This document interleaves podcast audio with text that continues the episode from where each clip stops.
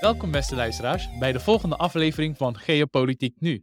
We gaan het hebben over de situatie in de Caucasus, in de strijd tussen Armenië en Azerbeidzjan. Maar voordat we dat verder op ingaan, wil ik jullie graag voorstellen aan onze nieuwe analist, de heer Brecht Weerheim. We kennen hem al een aantal jaren. Ja, hij kent ons ook best wel goed. Mich, als je even Brecht mocht voorstellen aan de hand van drie leuke feitjes, wat zou je dan zeggen? Jazeker, dat doen we natuurlijk graag. Brechts allereerste feitje is dat hij enorm van boerzoek houdt. Zeker. En dat hij dat iedere week kijkt. Ik Ja. weet niet of het iedere week is. Nee, het is helaas niet iedere week, maar op de tijd van dit opnemen is het nieuwe seizoen in eh, volle glorie begonnen.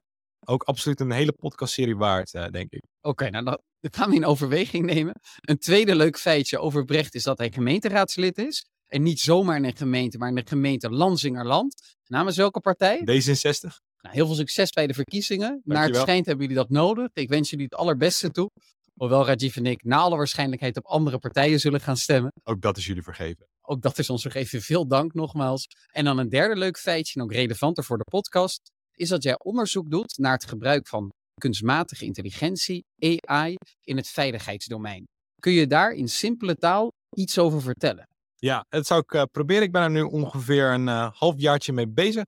Waar we dus eigenlijk vooral geïnteresseerd zijn in, is in hoe in het veiligheidsdomein, dat een domein is waar er veel beperkingen zijn, bijvoorbeeld op het gebied van ethiek, maar ook privacy en veiligheidseisen, die informatiedeling wat lastiger maken. Om te kijken of daar middel van kunstmatige intelligentie daar de informatiedeling wat verbeterd kan worden. Of dat sneller, efficiënter en effectiever kan gaan, zonder dat al die belangrijke waarden, zoals privacy, eh, onder druk komen te staan. Dat is eigenlijk waar we, waar we mee bezig zijn.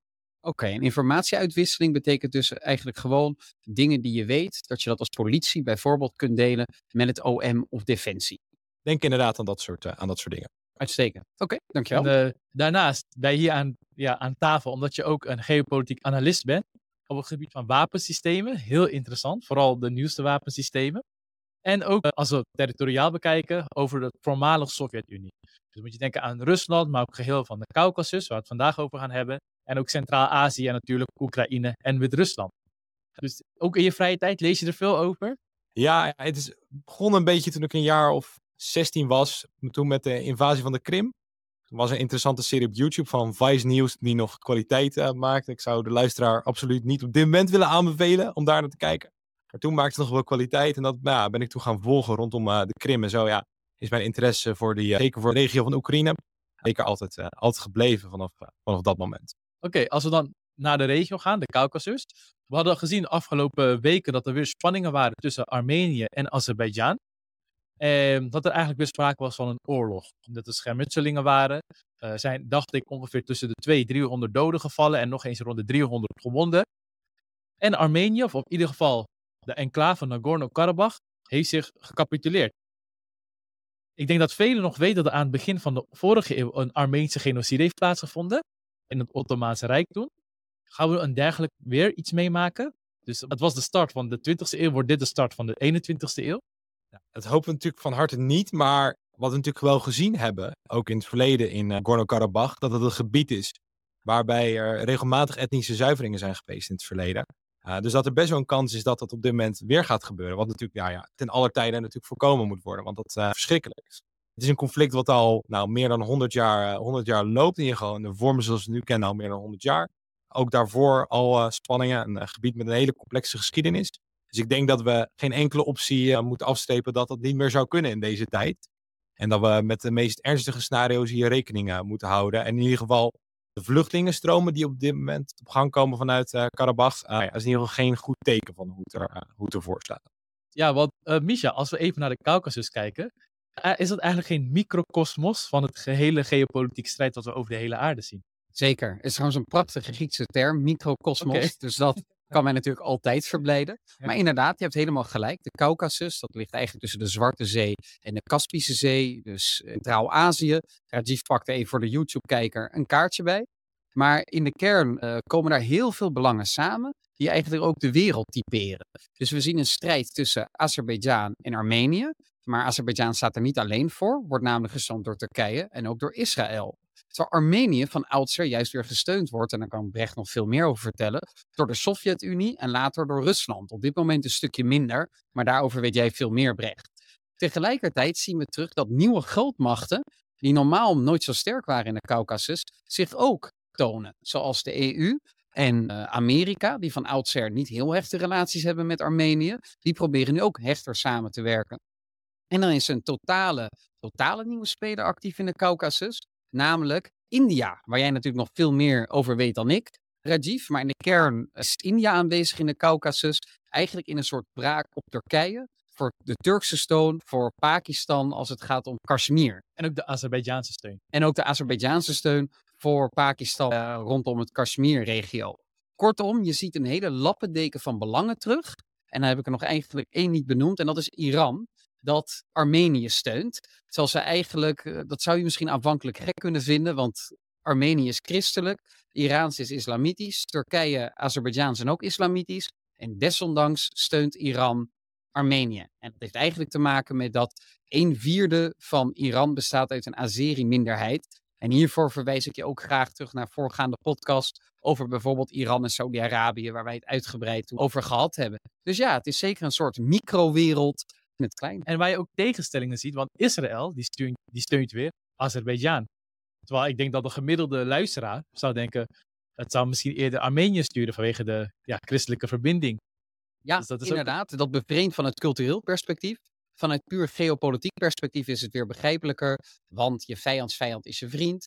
De vijand van eh, Armenië is Azerbeidzjan en daarom steunt eh, Iran Armenië. En de vijand van Iran is natuurlijk Israël en daarom steunt Israël Azerbeidzjan. Oké, als, dan, als je dan gewoon even op de kaart kijkt en als ik aan Nederland denk, ik zou denken van oké, Armenië is helemaal aan het eind van, ja, niet eens geografisch horen ze denk ik niet eens tot Europa. Ah, net wel, net Misschien net wel, in ieder geval net over de grens, als het ware. Aan de overkant van de Zwarte Zee. Dus Turkije zit dichterbij en Oekraïne zit dichterbij, dus je gaat daar nog eens verder. En dan heb je niet eens Armenië, heb je nog een Georgië. En daarachter heb je Armenië. Waarom? In Nederland hebben we al zoveel problemen, zoveel crisissen. Waarom zouden wij als burger, maar ook de, van onze politici moeten vragen om ook hier aandacht aan te geven aan wat er eigenlijk aan de hand is in uh, Armenië en ook in de enclave. Ja, Armenië lijkt, uh, Azerbeidzjan lijkt inderdaad ver weg. Het is een beetje de allerachterste achtertuin van uh, Europa. Ik denk wat vooral van belang is, maar Michel, jij kan daar zo meteen denk ik veel meer nog over vertellen. Dat natuurlijk het conflict zoals het nu weer opspeelt, voor een groot deel herleid ook kan worden naar ons eigen energiebeleid in, in, Europa. En ook ons eigen gedrag ook ten aanzien van Rusland. Dus dat je die dingen aan elkaar kan verbinden. Dus dat we wat daar gebeurt, het directe gevolg is van wat wij hier in Europa doen. En wat wij hier dus ook in Nederland doen. Dus dat wij ook wel bij machten dus zijn om daar dingen te stoppen of juist voor elkaar te krijgen. En als je dan kijkt naar de situatie daar ter plekke en de risico's die er zijn, zeker voor de Armeense gemeenschap in uh, uh, Karabach, dat je toch ook wel als Europa, in ieder geval naar mijn mening, wel plicht hebt om zeker binnen je eigen continent te kijken van hé, hey, hier kan iets heel verschrikkelijks gebeuren. Hier moeten we met z'n allen wat aan doen. En het is nou ja, ik vind het persoonlijk best teleurstellend hoe weinig aandacht er bijvoorbeeld in de media aan dit conflict is. En dan niet alleen nu, maar zoals misschien een deel van de luisteraars wel weet, in 2020 is er een hele bloedige oorlog uh, gevoerd rondom Karabach tussen uh, Armenië en Azerbeidzjan. Ook daarvoor was weer heel weinig aandacht in de media en in de politiek. Terwijl daar ook echt nou, veel oorlogsmisdaden en dergelijke zijn gepleegd echt een zeer bruut, uh, zeer bruut conflict. Wat ook weer samenhing met het beleid van uh, de Europese Unie en dus ook, uh, ook van Nederland. Dus het is belangrijk dat we ook onze verplichting daar, vind ik, pakken als Europa. En kijken wat we kunnen verbeteren in die regio. En de brokstukken die we af en toe zelf creëren ook weer proberen op, op te pakken. Oké, okay, maar jij... ook een strategisch belang? Ja, dat, dat ook natuurlijk. ik ben altijd een beetje naar om daarover te praten. Maar het is natuurlijk een, gebied wat ingeklemd ligt tussen allerlei uh, regionale en zoals maar wereldmachten. Nou, je hebt Turkije natuurlijk wat er ligt, wat een belangrijke rol speelt. Zeker ook heel veel invloed heeft op Europees beleid op dit moment. We hebben natuurlijk Rusland, nou, nog over te doen tussen Europa en Rusland. Iran, ook een belangrijke speler in die, in die regio. En ja, het is natuurlijk ook niet per se strategisch wenselijk dat je zo'n strategisch gelegen gebied, als het ware de speeltuin laat van een aantal regionale en wereldmachten. Maar dat je ook denkt van oké, hey, die mensen daar hebben bepaalde rechten waar we als uh, Europa voor op moeten uh, komen. En anderzijds ook, we hebben daar ook bepaalde belangen in die regio die we ook moeten hartigen. Dus dat je daarvan ook zegt, om die, om die reden, well, ja, daar moeten we, uh, moeten we wat mee met z'n allen. Oké, maar jij ziet dus echt het gebied, de Caucasus, maar ook Armenië, Nagorno-Karabakh, tot, je ziet dat, dat het behoort tot het Europese continent.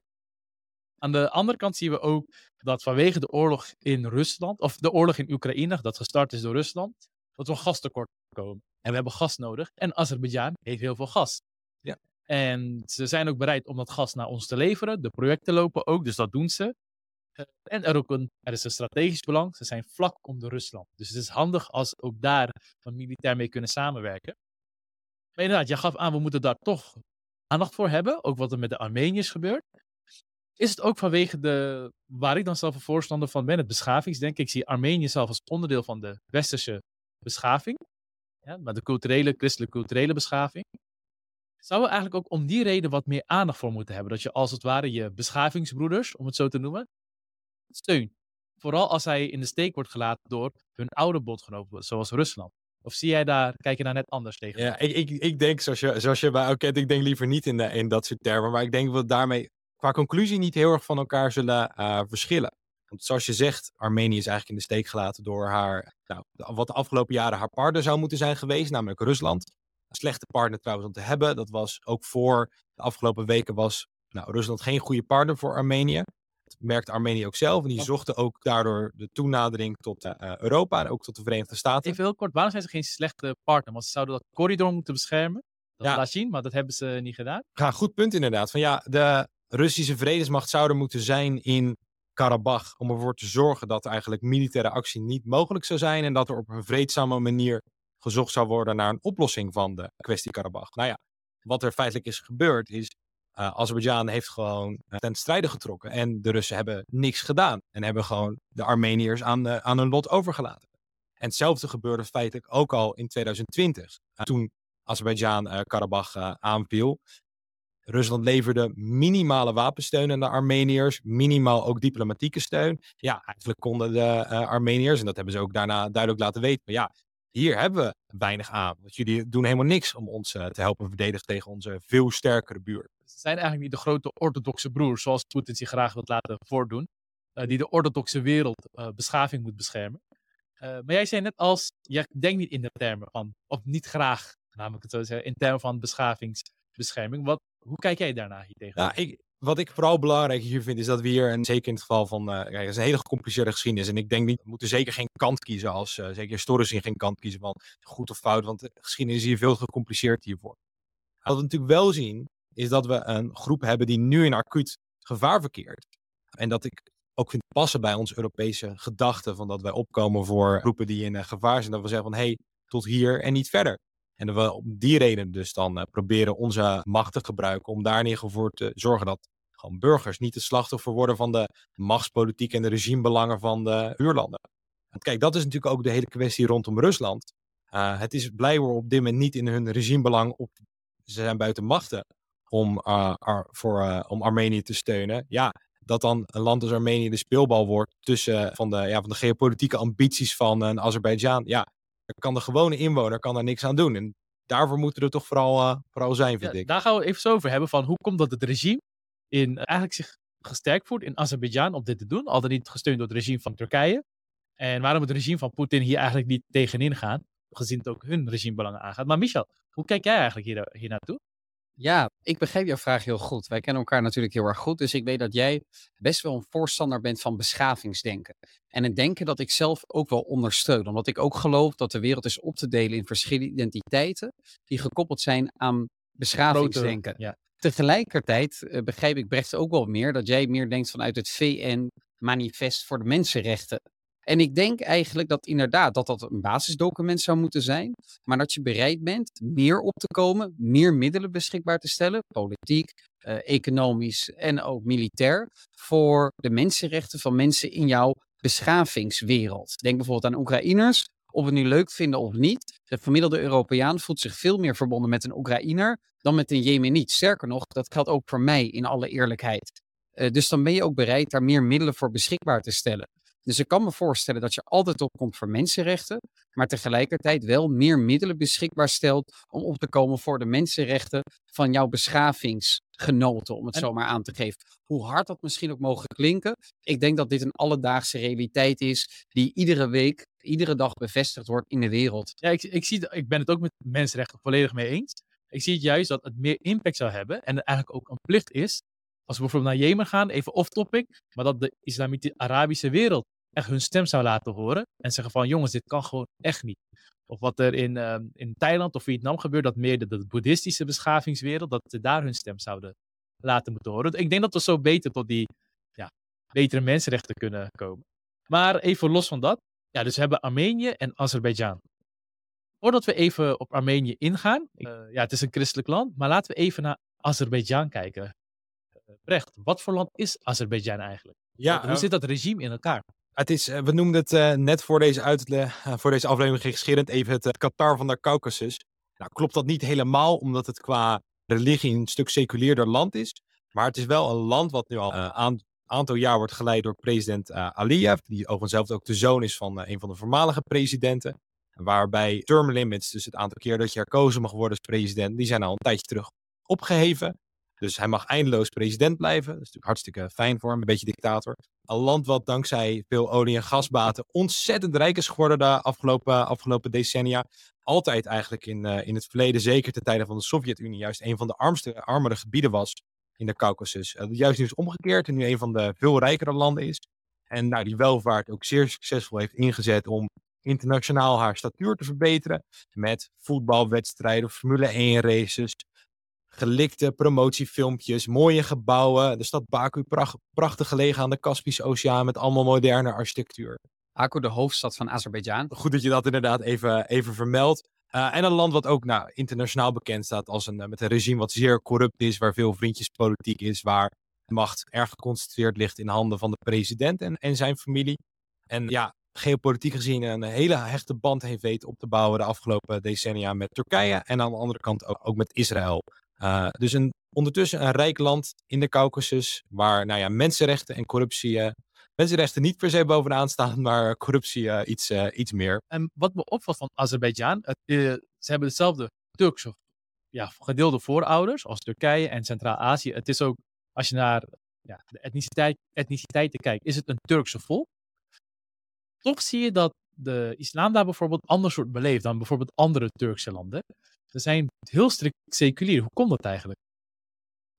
Jij zei, dacht ik, dat het zelfs een van de meest seculiere islamitische landen is. Ja, ik heb niet genoeg expertise om daar een orde over te vellen. Wat je aan de andere kant wel ziet, is dat ze wel iets ervoor in de plaats hebben voor een uh, strikte religie, als je het zo kan noemen. Het is wel ook een erg nationalistisch land. Zeker als je de tafereelen zag na de oorlog in 2020 in Karabach. Waarbij nou, grote parades en dergelijke werden gehouden. Waar ook een heel.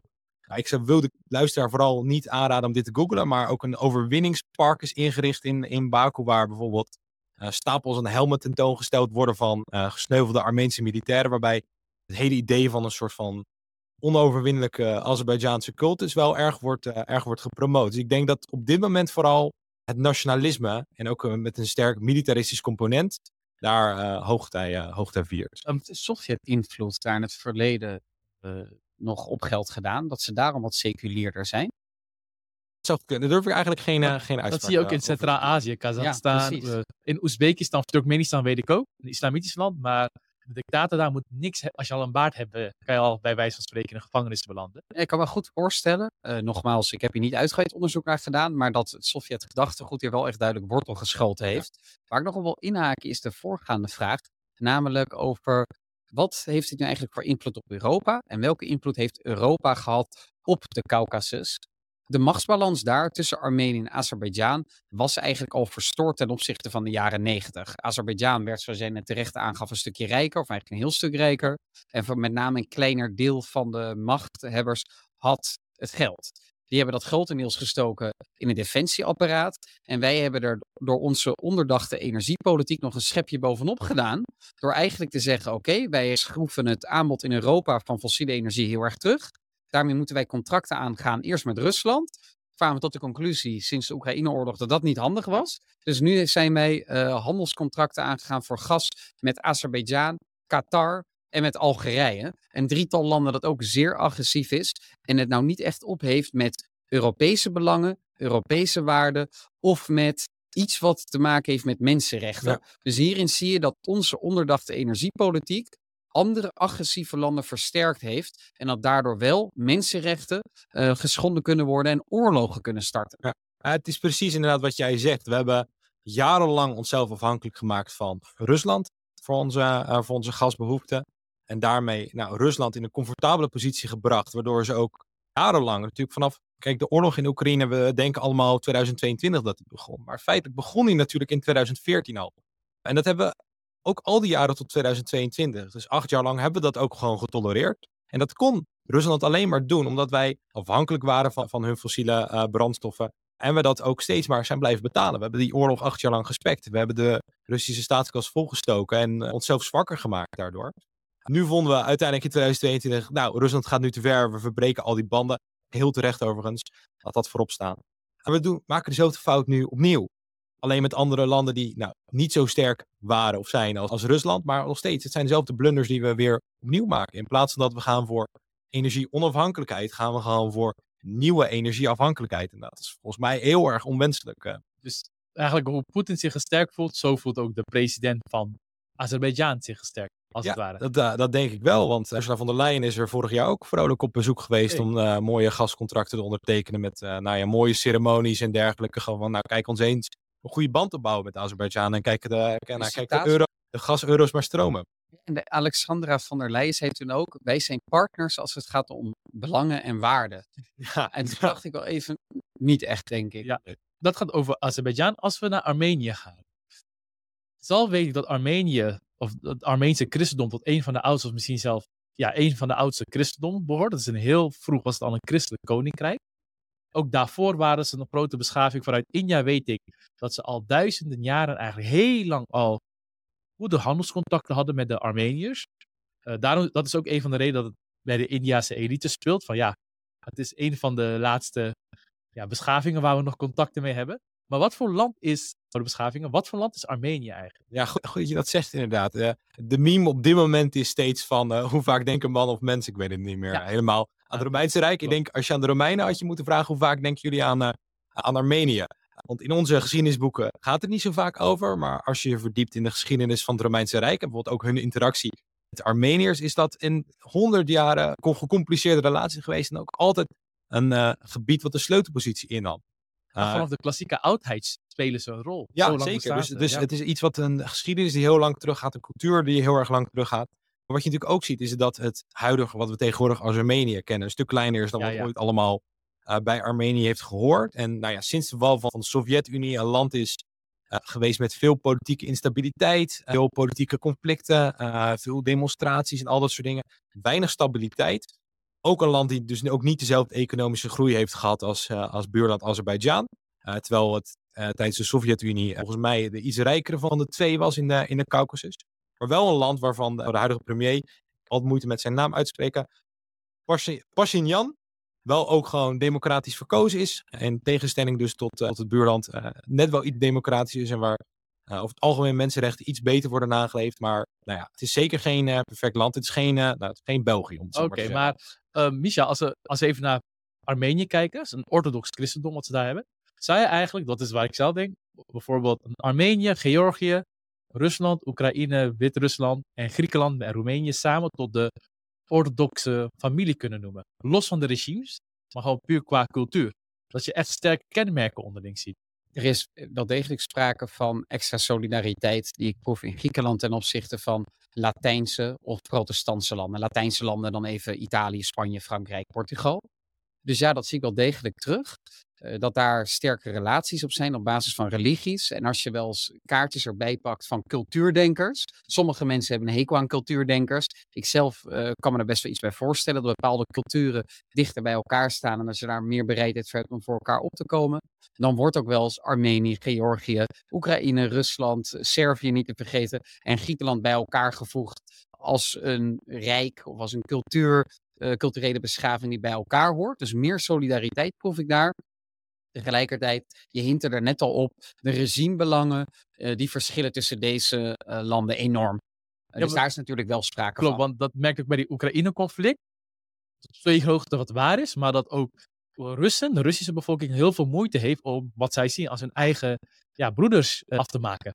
Ze zien het ook als ja, culturele broedersberg. Klopt dat ook? Ja, ik vind, dat een, ik vind dat een gecompliceerde kwestie. Aan de ene kant zie je inderdaad dat er vaak wordt gezegd, en daar, dat maakt de Russische propaganda rondom Oekraïne vaak ook heel erg lastig te begrijpen. Want aan de ene kant wordt er gezegd van, ja, weet je, het zijn alleen de machthebbers die slecht zijn. We, hebben, we zijn niet in oorlog met de Oekraïners, we zijn alleen in oorlog met neonazistische, satanistische leiderschap, of hoe ze het ook willen. Ja, duidelijk met het regime, niet met ja, de bevolking. Ja, precies. Maar aan de andere kant, als je ziet regelmatig van wat een, eh, nou ja, haat er richting uh, Oekraïners bijvoorbeeld is, ook uh, binnen het Russische leger en ook binnen de bevolking. Dat je denkt van ja, volgens mij gaat het daar om meer dan alleen maar een soort van anti-regime verhaal, maar dat het ook, wat natuurlijk feitelijk bijvoorbeeld gebeurt in Oekraïne, we misschien een beetje af van het onderwerp, maar bijvoorbeeld het ontvoeren van al die kinderen in, in Oekraïne. Dat natuurlijk tekenend is van dat het ook een, de Russen een cultureel conflict opvoeren tegen de Oekraïnse cultuur, tegen de Oekraïnse taal. Dus ja, dat het daar ook juist ook heel veel propaganda wordt gevoerd van oh, ook de Russische gemeenschap in Oekraïne wordt onderdrukt. Dus je moet juist opkomen voor je Russische taalgenoten. Um, dus ja, voor mijn gevoel eh, probeert de Russische propaganda ook altijd een beetje van twee, twee walletjes uh, te eten. Op het ene moment is het vooral van... Beschavingsredden? Ja, besch kijk, kijk ons, we zijn hier niet voor, voor machtspolitiek, we zijn hier om beschaving te redden. Als het voor meer voor het binnenlandse publiek aankomt, is het vooral van, oh kijk, we doen dit voor jullie. En we doen dit voor onze eigen mensen. En dat is natuurlijk iets wat ook, nou ja, de Sovjet-Unie ook niet uh, vreemd was. Want, nou ja, het is nu ongeveer meer dan 80 jaar geleden dat de Sovjet-Unie Polen binnenviel in 39. En toen was het ook onder de smoes van, ja, we willen onze minderheden in Polen moeten wij beschermen. Want dat kan Polen niet meer. Terwijl natuurlijk gewoon, het was gewoon een verdrag met Duitsland om Polen op te, op te splitsen. Ja, laten we daar nou eerlijk over uh, zijn. Uh. Als we dan naar Armenië kijken, ik zie dat er steeds meer ook wantrouwen is tegen Rusland. Nou, eigenlijk gaat het verder dan wantrouwen tegen Rusland. Ook echt een teleurstelling, echt een boosheid. Komt het eigenlijk ook hierdoor? Want als je naar Armenië kijkt, ze zijn van alle kanten zijn dan Turkse islamitische landen. Het enige dat ze zouden kunnen beschermen is Rusland, maar die laat hun in de steek. Hebben ze echt het gevoel, denk je van, ja, we staan er nu alleen voor? Ja, die mentaliteit en dat besef zie je heel duidelijk terug in de ongelooflijk treurige beelden op televisie. En als je speeches ook beluistert of met Armeniërs praat, hebben zij dat gevoel ook. Ze zijn door een grote orthodoxe broeder Rusland in de steek gelaten. En we moeten ook wel heel eerlijk zijn. Het is niet dat Armenië ooit actief zelf gekozen heeft om tot de invloedssfeer van de Sovjet-Unie of Rusland te behoren. Dat was een feitelijk gegeven waar zij nooit invloed op konden uitoefenen. In de Koude Oorlog was de wereld eigenlijk opgedeeld in een Sovjet- en een Verenigde Statenkamp. En daar was gewoon een verdeling gemaakt. Armenië in de, in de buik, ten zuiden van de buik van Rusland, behoort gewoon bij de Sovjet-Unie. Daar is er zelf niks over te zeggen. Nee, ik heb zelf ook wel eens het gevoel dat Armeniërs liever hadden gekozen om dichter bij landen als Griekenland, Europa en Amerika te staan. Dus ik vind dat ook nog wel een dubbele treurige. Zij hebben nooit actieve geopolitiek eh, tegen Europa bedreven. Integendeel, zij zijn gewoon blootgesteld aan de invloedssfeer van de Sovjet-Unie en konden daar geen invloed op uitoefenen. En nu moeten ze een beroep doen op die invloedssfeer, op die beschermstatus van de Sovjet-Unie of Rusland. En geeft Rusland niet thuis. Het, het bevestigt voor ons, denk ik, weer eens hoe ongelooflijk onbetrouwbaar Rusland is. Ondanks al die retoriek over dat zij altijd klaarstaan voor hun broeders en dat soort ja, onzin. Ik denk ook dat de andere partners, of orthodoxe partners, misschien zelfs in Servië, kan het ook invloed hebben van ja, wat voor partners zijn het eigenlijk echt nou? Als ja, ik denk ook dat de partnerstatus van Rusland enorm, enorm veel uh, schade heeft opgelopen. En ben ik eigenlijk ook nog wel benieuwd. Uh, Nagorno-Karabakh, dat is natuurlijk waar het conflict echt om gaat. Kun jij even een schets geven, wat is Nagorno-Karabakh eigenlijk voor regio? Precies, dat is eigenlijk een, een, heel goed punt.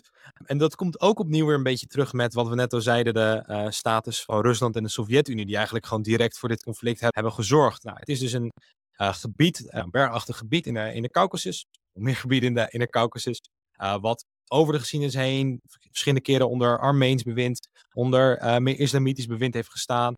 Uh, maar waarvan eigenlijk vooral de grote spanningen weer naar boven kwamen rond uh, het einde van de uh, 20, het begin van de 20e eeuw en de nadagen van de Eerste Wereldoorlog.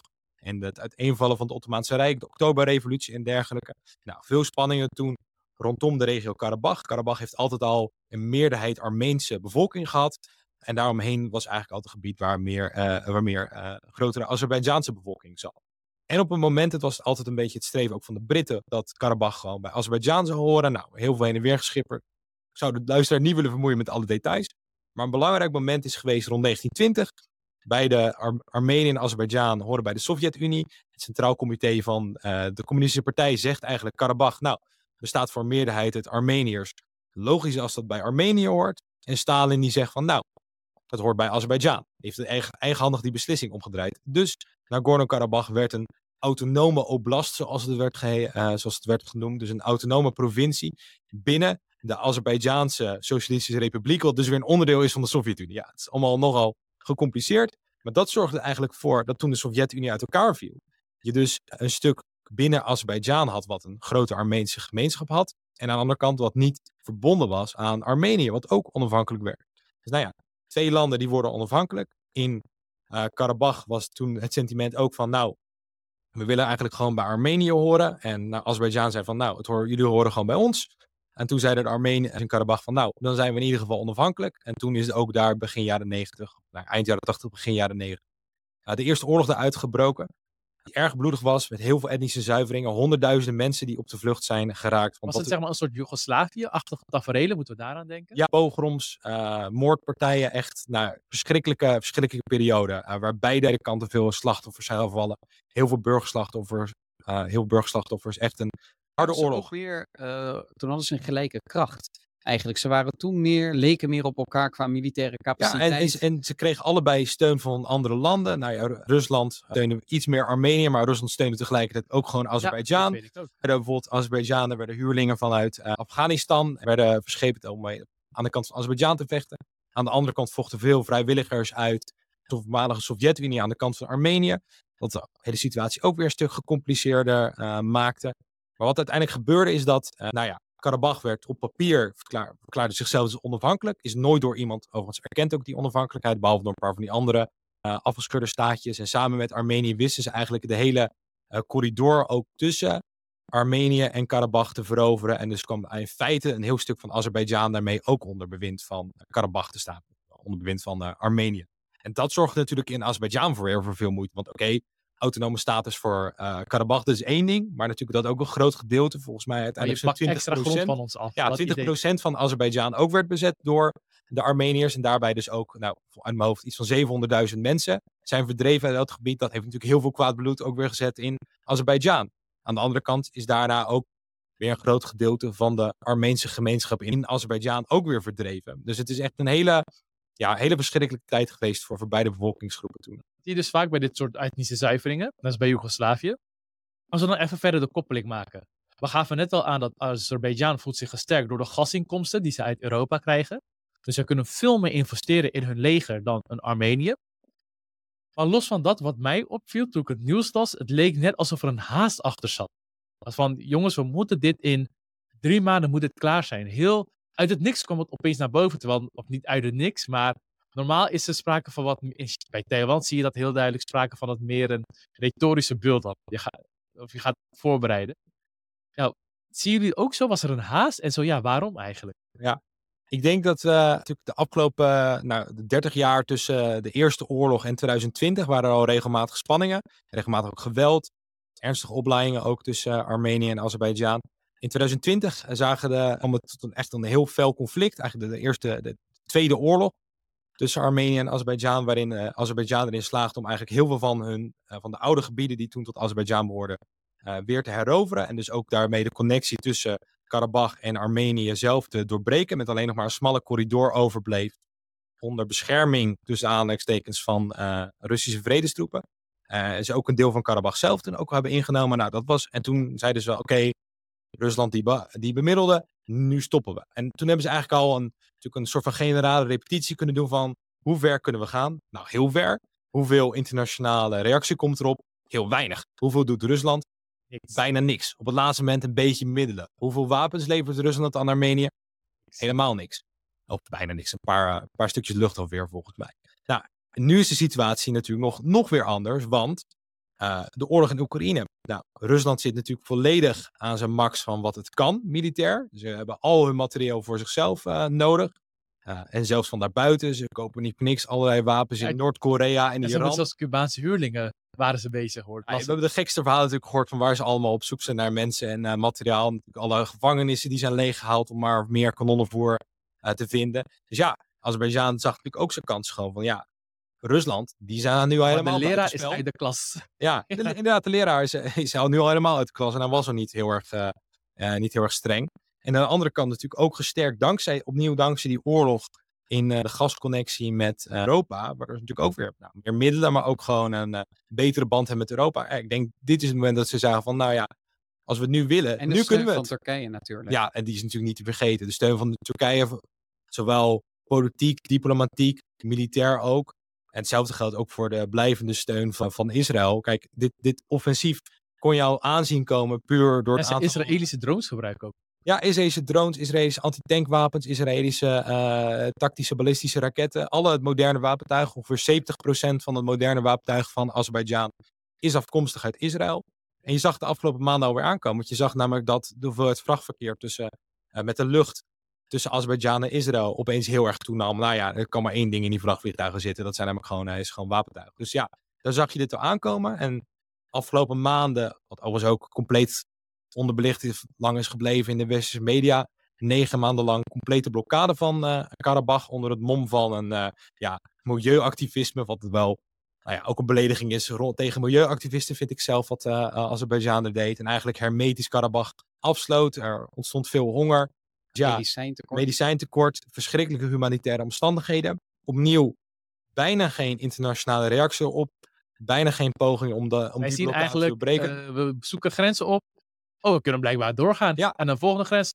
Oh, blijkbaar, uh, blijkbaar kunnen we nog ja, steeds niemand, doorgaan. Niemand trekt, uh, het zijn niet eens rode lijnen die worden overgestoken. Want Er niemand zijn trekt, rode er- niemand trekt rode lijnen. En dus ja, dan is het makkelijk om steeds maar een schepje bovenop te doen. En je ziet hier nu eigenlijk ook van een echte oorlog kan je het eigenlijk natuurlijk niet eens noemen. Want Karabach heeft zichzelf noodgedwongen moeten capituleren. Want ja, wat, ze kunnen ze geen kant, letterlijk geen kant op. Militair maken ze geen kans, zeker sinds de oorlog in eh, 2020.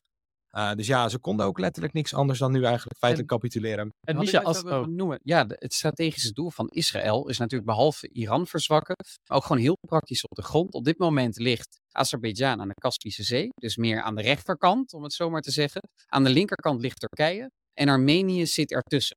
Dus dat betekent dat je niet een verbintenis met elkaar hebt tussen Azerbeidzjan en Turkije. Een van de doelen om Nagorno-Karabakh weer in te lijven als Azerbeidzjan is eigenlijk ook om een corridor te creëren, een soort weg te creëren, direct tussen Turkije en Azerbeidzjan.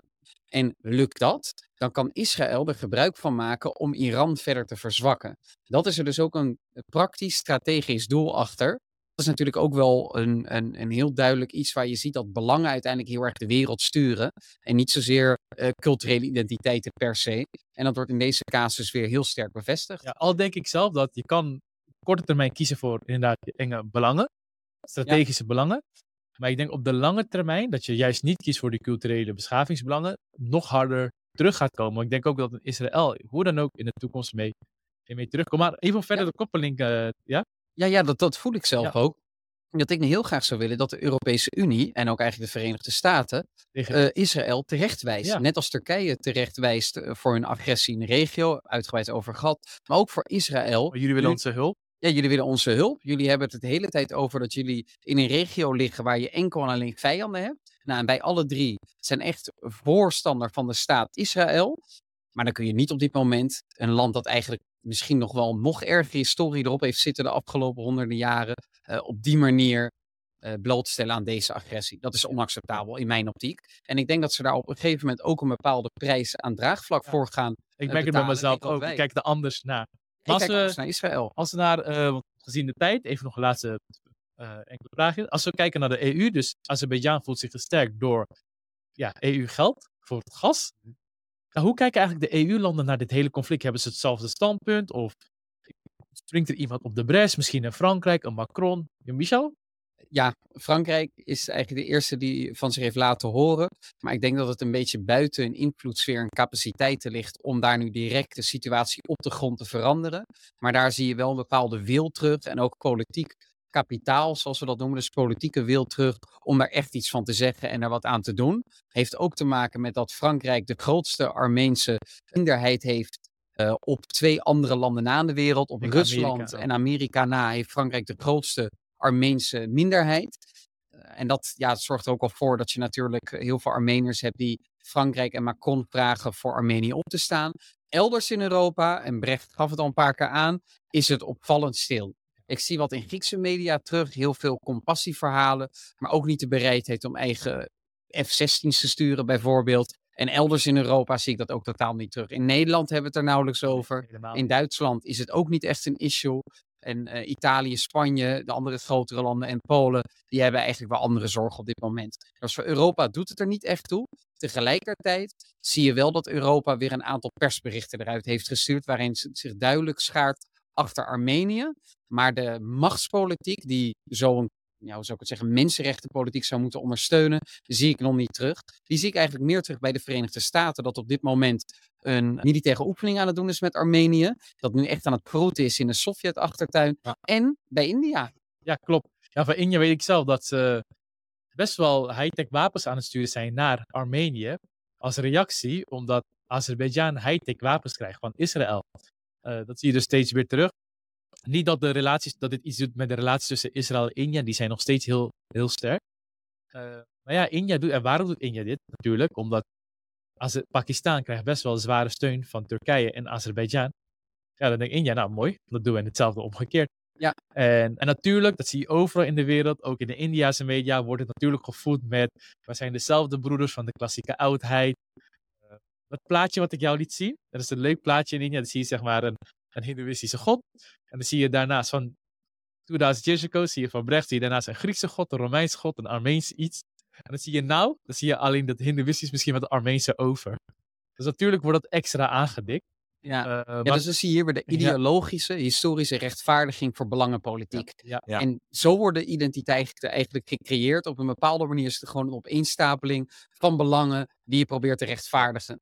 En nog, even, nog even ter aanvulling ook, wat het natuurlijk lastig maakt voor Europa, ook in dit conflict, is dat Karabach erkennen wij gewoon als onderdeel van Azerbeidzjan. Want daar hoort het gewoon officieel gewoon bij. Karabach erkennen we ook niet als een onafhankelijke staat. En als Europa gaan we natuurlijk altijd heel erg prat op een wereldorde gebaseerd op regels, territoriale integriteit, soevereiniteit. Ja. En als je al 30 jaar lang zegt, nou, Karabach dat hoort eigenlijk bij Azerbeidzjan, dan is het natuurlijk lastig om op. Kijk, het enige argument wat je dus hebt, mensenrechten, rechten van minderheden, waar je kan eh, het is dan lastig om dan te zeggen, bijvoorbeeld, nou, je kan niet zeggen, Karabach moet onafhankelijk blijven of eh, moet bij Armenië horen. Want ja, we hebben al 30 jaar lang gezegd dat dat niet het geval is. Dus dat maakt natuurlijk het voor Europa ook lastig om ja, die- diezelfde termen die we wel kunnen gebruiken rondom Oekraïne, namelijk soevereiniteit, er worden territorium, echt grenzen ja, overschreden. letterlijk grens overschreden. Wij, de grens van Karabach, die hebben wij nooit, hebben wij nooit erkend als, eh, als Europa. Dus dat maakt het natuurlijk een stuk lastiger. En nou, de VS heeft daar minder moeite mee om, daarvan, om die wel te erkennen. Al officieel erkennen ze natuurlijk Karabach ook niet.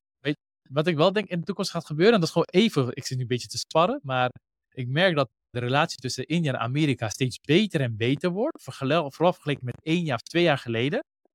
Eh, je ziet het in de Quad, maar ik denk zelfs in de toekomst dat Armenië eerder ook zal kiezen voor, waar we het vorige week over hadden, de transatlantische as met Amerika, in combinatie denk ik met eh, India. Ik Dat denk dat dat aan die geopolitiek twee het landen- slimste is. Ja, we laten zich met Rusland los en we koppelen ons aan India en Amerika. En dat dat ook een mom- moment is, ook voor Amerika en India, om ook daar hun relaties verder te ontwikkelen. En wat dat betreft wordt het misschien ook wel een soort Djibouti. Djibouti, heel mini-mini klein landje Mhm. in Afrika dat de meeste militaire basis volgens mij ter wereld heeft. Ik kan me heel goed voorstellen dat Armenië zegt, Frankrijk, Duitsland, Verenigd Koninkrijk, Amerika, India, jullie zijn allemaal welkom. Eh, doe wat je wilt hier. Op het moment dat het echt om gaat, willen wij dat jullie onze integriteit beschermen. Ik denk dat het ook gaat gebeuren. Dus Ja, ik- ik, denk dat het wel afhangt dan van, eh, van de, de mogelijkheden die Armenië heeft om dat voor elkaar te krijgen. Maar wat je natuurlijk wel ziet, is nu, nu zeker. Eh, kijk, Rusland heeft geen militaire macht hierover. Maar wat je wel ziet, is dat nu de Russische media en dergelijke heel erg loopt te stoken in Armenië. Van ja, dit is wat je ervan krijgt als je geen vrienden meer wil zijn met Rusland. Dan is dit wat je krijgt. Dus nou, zet je regering af, weg met je democratische regering. Zet een vriend van Moskou neer en dan komt het wel weer goed met jullie. Dus ja, de, het is natuurlijk het is niet de meest, eh, meest stabiele democratie. Eh, ook eh, na- ontwikkeling. ja, na de vrede, na dat, nou vrede, dat is een veel te sterk woord, maar na de wapenstilstand in 2020 waren er ook veel politieke spanningen. Is het parlement ook bestormd in, eh in Yerevan in Armenië. Dus ja, of het land resistent genoeg is om die druk zeker vanuit Rusland te, te, te weerstaan, dat, nou ja, dat zou de toekomst uitwijzen. Maar dat is geen, nog geen gedaan. Nou, ik denk het wel hoor, want we hebben, al- ja, we hebben dus over regimebelang versus landsbelang gehad, uitgebreid in de podcast. Zometeen wat moet Nederland doen, maar onderstroom, bovenstroom, ik denk dat in Armenië een heel sterk anti-Russische onderstroom aan het ontwikkelen Zeker. is. En je mag een dictator zetten, hij mag hard zijn hoe hard hij wilt zijn, maar op een gegeven moment, als de onderstroom een kritieke massa bereikt, dat dat automatisch de bovenstroom wordt. En ik denk dat het in Armenië, vooral nu, dit, is echt, dit zijn van die momenten dat het echt versterkt. dat anti-Russisch sentiment. Ze voelen zich echt bedrogen, echt Mhm. verraad. We weten allemaal, ook in ons persoonlijk leven, als je je verraad voelt, dat ga je je tot het einde van je leven onthouden. Nou, dat gaat hier ook gebeuren. Dat, Dat denk ik ook. En nog misschien wel het belangrijkste. Ik denk dat Rusland ook niet vermogens is om de machtsbalans in Armenië te, te wijzigen. Ja, niet ik. militair en dus een, even een coup organiseren of iets dergelijks zoals de, de Russen vroeger nog wel eens konden doen. Dat zit er inderdaad niet meer, Nee. zit er niet meer in. En Nee. vooral als Amerika hier ook echt werk van gaan maken, wat ze denk ik sowieso gaan doen. Ah, je zag natuurlijk ook met het bezoek van eh, Pelosi. Vorig jaar was het volgens mij die in Armenië op bezoek kwam. Nou, ja, dat was ook voldoende voor zeggen natuurlijk over hoe Amerika in ieder geval richting eh, Armenië, Armenië kijkt. Wat ik hier ook wel interessant aan vind, dat eigenlijk de grootste influencer op de wereld, hoe gek het ook misschien is om haar te bespreken in een podcast, Kim Kardashian, Ja, zelfs ja. Armeense eh, wortels heeft, eh, roots heeft, en eigenlijk ook al gepleit heeft in Amerika om op te komen voor Armenië. Dus dat vind ik ook wel een gekke gewaarwording om in één keer Kim Kardashian te behandelen, terwijl dat eigenlijk best wel moet in een geopolitieke podcast. Ja, ja. Dan ga ik eigenlijk naar het laatste punt toe. Wat zou eigenlijk Nederland en de EU moeten doen eh, met het conflict? Ja, ik denk in de eerste plaats dat het van belang is om ervoor te zorgen natuurlijk humanitaire hulp te bieden. Vanwege de, de onvermijdelijke volksverhuizing die op gang gaat komen van nou ja, veel Armeniërs die in Karabach wonen zullen, zullen emigreren naar eh, Armenië zelf. Eh, is de vrees, is ook de realiteit al op dit moment. Aan de andere kant, de leidinggevenden in Karabach die zijn er nu in onderhandeling met, Azerbeidzjan van oké, wat gaat de status worden van Karabach binnen Azerbeidzjan? Nou, Azerbeidzjan heeft al gezegd, vergeet die autonome status maar. Daar had je misschien vijf jaar geleden om kunnen vragen, maar dat doen we niet meer natuurlijk wel dat je probeert als eh, Europese Unie, misschien door middel van sancties en dat soort zaken, om eh, in ieder geval de Azeris te dwingen om eh, niet met de meest bizarre eh, assimilatie-eisen te komen richting Karabach. En in ieder geval de rechten van de Armeniërs in Azerbeidzjan te beschermen. Al ben ik bang dat dat een eigenlijk een verloren zaak is, omdat de meeste Armeniërs in, Uit in zichzelf, eh, uit zichzelf zullen trekken. Omdat ja, de, de haat richting Armeniërs in Azerbeidzjan is dermate sterk dat je daar, hoe je, wat er ook gebeurt qua officiële status, dat je daar waarschijnlijk toch niet wilt eh, wonen. Maar ik Ja. zie het ook wat met budgetten gaan lopen spelen. Voor onderwijs, zorgbudgetten, Ja. infrastructuur.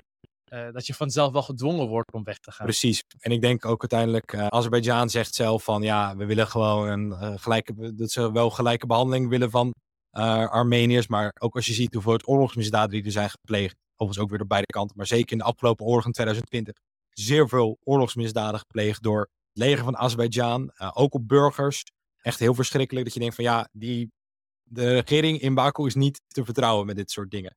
Uh, dus ja, ik snap heel goed dat heel veel Armeniërs zullen zeggen van ja, welke garanties dan ook en welke garanties de EU ook misschien zou weten af te dwingen. Ja, we geloven het gewoon niet en ik uh, geef, ze daar, uh, geef ze daar groot gelijk in. Maar de belangrijkste les is denk ik dat we als Europa weer moeten, weer ja, met de neus op de feiten zijn gedrukt. Dat je niet jezelf afhankelijk moet maken van landen die hele andere intenties hebben en hele andere waarden nastreven dan dat je zelf hebt.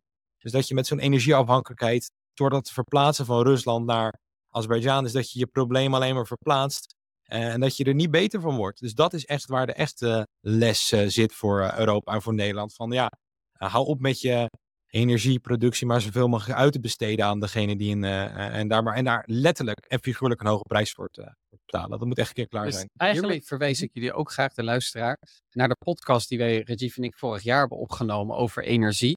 Nederland leverde zich uit door ondoordachte energiepolitiek en hoe Amerika de wereld domineert via de petrodollar en de energievoorziening. Want daarin hebben wij het uitvoerig over hoe onverstandig het is om op deze manier met energie om te gaan. En we zijn toen ter tijd ook al uitgebreid ingegaan op de situatie van Azerbeidzjan, Qatar en Algerije. Ja, ik denk eigenlijk zelf ook van, ik vind als Nederland en de EU ook zouden afhankelijk humanitaire hulp gaan geven en desnoods ook gewoon Armenië echt, Azerbeidzjan echt zwaar op de vingers gaan tikken. Ja, ja. Azerbeidzjan kan zeggen, jullie hebben ons gas nodig, maar wij kunnen ook zeggen, ja, maar jullie hebben onze euro's nodig. En de, ook, ik, niet om speciaal om, uh, in beschavingstermen te denken, en dat doe ik niet omdat ik per speciaal etniciteit belangrijk vind, maar juist waar jij het over had, de gedeelde normen en waarden die we wel hebben. En ik denk juist op de lange termijn, als we aan de wereld laten zien van, we beschermen onze beschaving in de vorm van, we beschermen de landen die onze gedeelde normen en waarden delen. Ik denk dat het juist een, een versterkend effect zal hebben op derde landen. Van, ja, ook in de Taiwan. Al zou je dan niet gelijk denken, het behoort tot de westerse wereld, maar ze hebben wel een soort van gedeelde normen en waarden. Dus ik denk Absoluut. Dat, Wat mij ja. betreft behoren landen als Taiwan en Japan wel degelijk tot de westerse waardegroep. Of Maar van mij mogen er ook een andere naam aan geven. Hoor. Maar dat is een gedeelde. waardegroep. Ja. Maar je hebt wel duidelijk een gemeenschappelijk ideaal van hoe je een samenleving organiseert. Dus wat dat betreft onderstreep ik jouw argument volledig. Ja, dus ik, we gaan het zien hoe het de komende weken gaat verlopen. Ik heb begrepen dat er een vergadering, of dat er meerdere vergaderingen zouden plaatsvinden in Azerbeidzjan. Wat ze met de Armeense minderheid gaan doen in Nagorno-Karabakh. Ik ben benieuwd wat eruit komt. Al denk ik zelf dat ze niet al te hoopvol moeten zijn. Nee, nee. En, eh, maar ja, we zullen het zien. En mocht het echt hele ja, grote ontwikkeling zijn, zullen we het daar sowieso met de luisteraars over hebben. Eh, dus de luisteraars, dit was het dus. We hadden het gehad over Armenië versus Azerbeidzjan. De hele situatie wat er speelt. Wat zijn de verschillende regimesbelangen? Natuurlijk, eh, hoe zat de geschiedenis in elkaar? De geschiedenis komt altijd weer terug. Wat zijn de onderstromen die er speelt in Armenië, misschien ook in andere landen? Waarom is Azerbeidzjan zoals het is? En waarom voelt Azerbeidzjan zich nu gesterkt? En wat gaat dit conflict doen met de positie van Rusland in het internationaal speelveld? Maar ook misschien met de relatie tussen Armenië en India en Amerika aan de andere kant. Ja, we hopen dat jullie ervan hebben genoten, heel veel hebben geleerd en dat jullie natuurlijk afscheid hebben genomen van jullie ongeïnformeerde zelf.